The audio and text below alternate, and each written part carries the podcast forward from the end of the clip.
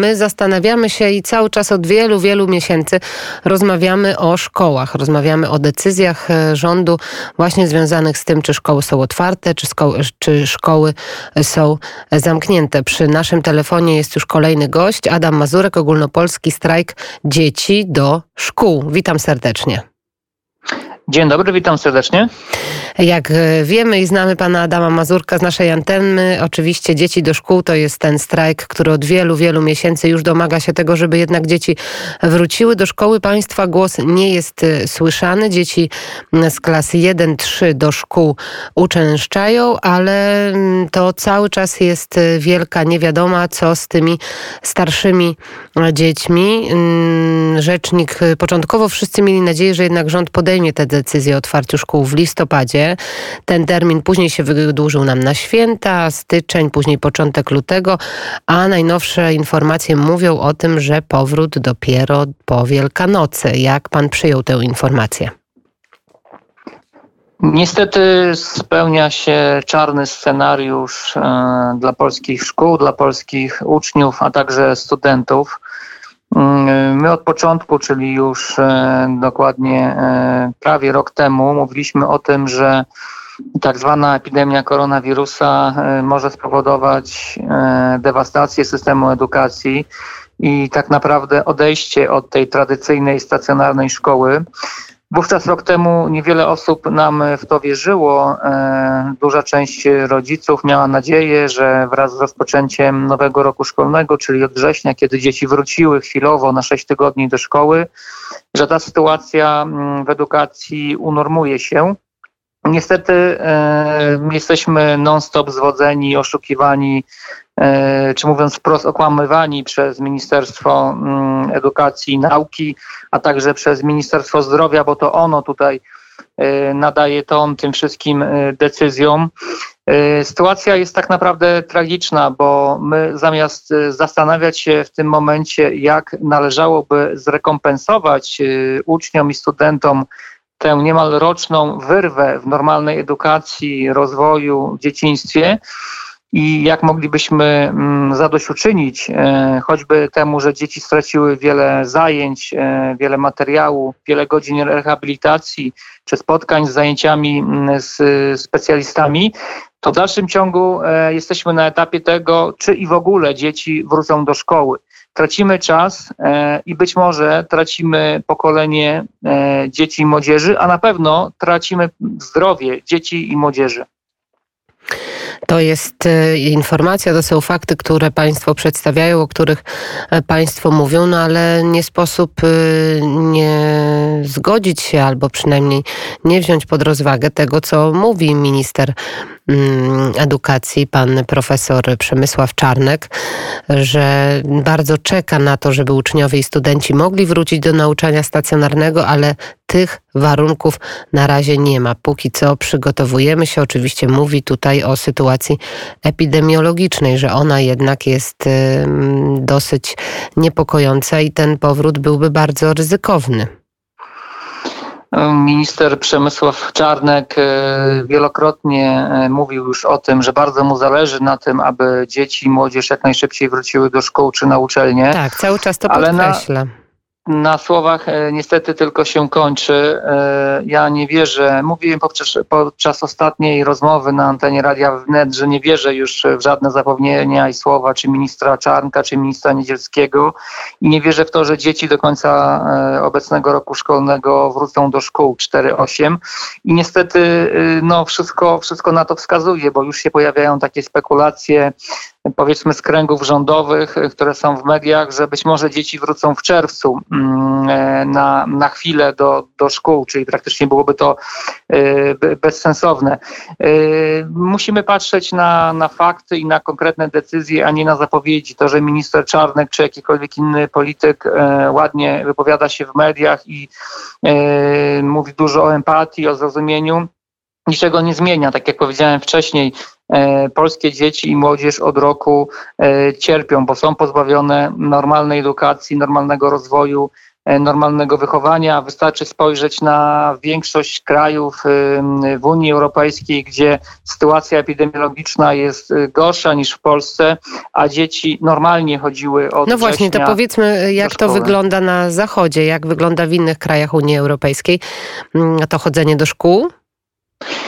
No, y, w zasadzie y, w większości krajów Unii Europejskiej dzieci w tym roku szkolnym, czyli powiedzmy wrzesień bądź y, połowa sierpnia, bo w niektórych krajach to wygląda trochę inaczej, ale ten rok szkolny praktycznie, czyli od września do grudnia ubiegłego roku, chodziły prawie we wszystkich krajach normalnie. Sytuacja rzeczywiście zmieniła się niekorzystnie w związku z kolejnymi falami w okolicach grudnia i tutaj częściowo w niektórych krajach na przykład w Wielkiej Brytanii zamknięto szkoły, ale z tego co już wiem, to bodajże od 8 marca dzieci ponownie wracają w Wielkiej Brytanii do szkół. E, generalnie strategia w krajach e, Europy Zachodniej jest taka, że nawet jeżeli są wprowadzane lockdowny w związku z sytuacją epidemiologiczną i zamknięte jest praktycznie wszystko, jeżeli chodzi o gospodarkę, o przedsiębiorstwa, e, to jednak szkoły za wszelką cenę są utrzymywane w otwarciu, czy też uczelnie, ponieważ premierzy e, większości krajów w Unii Europejskiej no, wyciągnęli wnioski e, z, z tej lekcji, która, która była e, na wiosnę ubiegłego roku, gdy zbyt pochopnie zamykano uczelnie i szkoły i niosło to za sobą ogromne konsekwencje. My tę lekcję również przeszliśmy, ale nie wyciągnęliśmy żadnych wniosków. No i te badania, o których kiedyś mieliśmy okazję rozmawiać, o tym jak źle wpływa na najmłodszych nauka zdalna, jak to jest dla nich obciążające, czy pojawiły się jakieś nowe informacje, jakieś e, nowe wyniki badań, które, które właśnie o tym mówią, jak ta nauka zdalna wpływa na dzieci? Cały czas e, pojawiają się nowe mm, e, badania, nowe informacje. Mm, stosunkowo niedawno e, w końcu jakiekolwiek działanie na rzecz powrotu dzieci i młodzieży do szkół wykonał Rzecznik Praw Dziecka, pan Mikołaj Pawlak. Zlecił jednej z, z biur z badania opinii publicznych badanie wśród rodziców na temat tego, jak oni oceniają efektywność, ale także wpływ zdalnego nauczania na swoje dzieci. E, I proszę sobie wyobrazić, że z tego badania wynika, że około połowy rodziców stwierdza, że widzi bardzo negatywne E, konsekwencje, jeżeli chodzi o zdrowie psychiczne i fizyczne wśród swoich dzieci, które właśnie nastały na skutek zdalnego nauczania. I mimo tego, że Rzecznik Praw Dziecka niedawno otrzymał taki raport z badań opinii publicznej, nie podejmuje żadnych działań, żadnych realnych działań, aby dzieci i młodzież wróciły do szkół.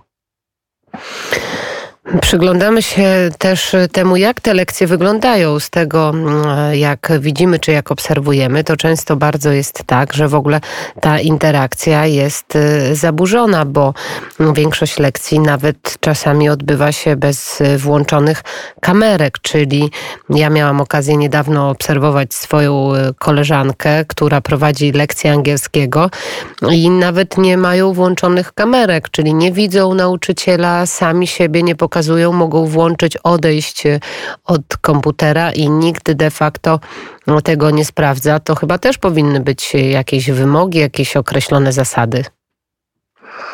E, oczywiście, że powinny być, bo jeżeli mm, polski rząd zmusza dzieci mm, i rodziców do tego, aby uczyły się zdalnie, to powinien być do tego odpowiednio przygotowany powinien odpowiednio przygotować na to polskie szkoły. Prawdą jest to, że te szkoły są lepiej przygotowane niż e, w ubiegłym roku mm, na wiosnę, ale w dalszym ciągu w wielu szkołach są problemy, czy też związane ze sprzętem, czy też z brakiem jasnych regulaminów i zasad. Co do kamerek, e, problem polega na tym, że zgodnie z prawem nie można wymagać od rodziców czy nauczycieli obowiązku, e, od rodziców i dzieci obowiązku posiadania kamerek, które będą utrwalały obraz z domu prywatnego. E, natomiast oczywiście wiele szkół wymaga tego od rodziców i uczniów, bo wtedy ta efektywność zdalnego nauczania jest dużo większa. E, niestety tam, gdzie tych kamerek nie ma, E, no to te zajęcia wyglądają tak, że dzieci czy młodzież dosłownie śpią na lekcjach, nie wiem, języka polskiego czy historii, albo w tym czasie wykonują e, inne czynności i tak naprawdę te godziny, te zajęcia są stracone. I widzieliśmy to już po wynikach e, zeszłorocznych matur i wyników ósmoklasisty. Obawiam się, że tegoroczne wyniki matur i egzaminów ósmoklasisty, które już małymi krokami się zbliżają, wypadną jeszcze gorzej, pomimo, że będą e, obniżone wymagania o około 20-30%. Będziemy e, oczywiście to, e, temu się przyglądać, jak te lekcje wyglądają. No i tak jak Pan wspomniał, na razie się nie zapowiada na to, żeby jednak dzieci wróciły do szkół. Czy Pan ma informacje, jak mogą wyglądać egzaminy ósmoklasistów, jak mają wyglądać matury teraz? No, to znaczy na, na ten moment mamy informację, że e, zaledwie 50% szkół e, średnich zgłosiło się w Polsce do mm, e, próbnej matury, które rozpoczęły się w tym tygodniu. No, wynika to z tego, że, że część szkół na własną rękę już w styczniu mm, przeprowadzało swoje wewnętrzne mm, matury. No, mieli, jesteśmy tuż po, po, po próbnych egzaminach ósmoklasisty. Na razie, na razie nie ma wyników, ale no, sami nauczyciele, jak z nimi rozmawiam, a mm, znam to środowisko dość dobrze, no, są pełni obaw, y, bo zdają sobie sprawę, że, że te wyniki będą no, dalece gorsze niż w sytuacji, kiedy dzieci przyswajały tę wiedzę stacjonarnie w szkole. Dużym problemem jest też to, że e, trwa Narodowy Program Szczepień i jak wiemy, nauczyciele są tutaj e, no, w tej grupie, które mają pierwszeństwo. Z danych Ministerstwa Edukacji i Nauki wynika, że na ten moment zaszczepiło się około 330 tysięcy nauczycieli. Jest to mniej więcej, mm, trochę więcej niż połowa nauczycieli w Polsce. E, no ale mamy też takie informacje, że mm, dwoje e, nauczycieli e, zmarło mm, niedawno po przyjęciu szczepionki.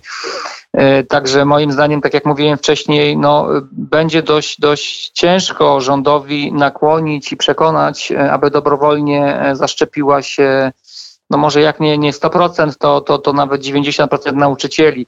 A teraz słyszymy w tych przekazach ministra pana Adama Niedzielskiego, że powrót y, dzieci do szkół jest wprost uzależniony od mm, ilości i y, postępu szczepień nauczycieli. A część nauczycieli ma obawy, więc y, tym bardziej mm, jestem pesymistą, jeżeli chodzi o powrót do normalnej, tradycyjnej szkoły. To są Pana wątpliwości i na pewno wielu rodziców także, którzy mm, się zastanawiają i którzy nas słuchają. Powiedział Pan o tej sprawie szczepień, że to jest też jeden z ważnych elementów, a jak sami nauczyciele podchodzą do szczepionek i jak sami nauczyciele podchodzą do tej sprawy, czy chętnie, albo może nie widząc żadnego innego rozwiązania, po prostu będą się szczepić i, no i nie widzą innej formy współpracy w ogóle z najmłodszymi.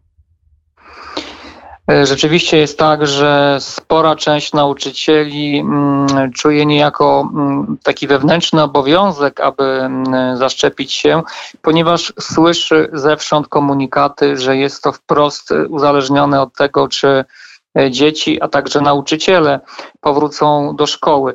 Oczywiście część nauczycieli jest również poszkodowana przez zdalne nauczanie, o czym też wielokrotnie y, mówiłem. Chodzi tutaj o to, że mają więcej pracy za ten samą pieniądze. W nie wszystkich szkołach były wypłacone godziny ponadwymiarowe. Są też problemy związane mm, ze sprzętem, czy też właśnie z przetwarzaniem wizerunku i, i treści, treści prywatnych. Y, natomiast też słyszę od nauczycieli, którzy przyjęli szczepionkę, mm, że no bardzo, bardzo źle reagowały ich organizmy. Szczególnie, szczególnie było tak w przypadku, kiedy przyjmowali mm, drugą, drugą dawkę mm, szczepionki. I to wszystko powoduje, że mamy, mamy jeden wielki chaos i niepewność y, w systemie edukacji. Boję się też takiego scenariusza, że mm, wraz z, z kolejnymi dniami czy tygodniami, gdy nauczyciele nie będą się dobrowolnie zgłaszali na szczepienia, no będą w mniejszy lub większy sposób zmuszani do tego, aby się zaszczepić, bo na przykład, e, nie wiem, dyrektorzy szkół czy kuratorzy oświaty powiedzą, że e, no, no, jest to obowiązek, jeżeli chcecie normalnie pracować. No i tutaj postawmy trzy e, kropki, jak to wygląda w praktyce. Bardzo e, dziękuję. E, naszym gościem był pan Adam Mazurek, który cały czas właśnie mówi nam o tym, jak konsekwencje ma zdalne nauczanie i jak to powinno być jak najszybciej przywrócone. Bardzo dziękuję. Adam Mazurek, ogólnopolski strajk dzieci do szkół. Dziękuję serdecznie, do widzenia. Do widzenia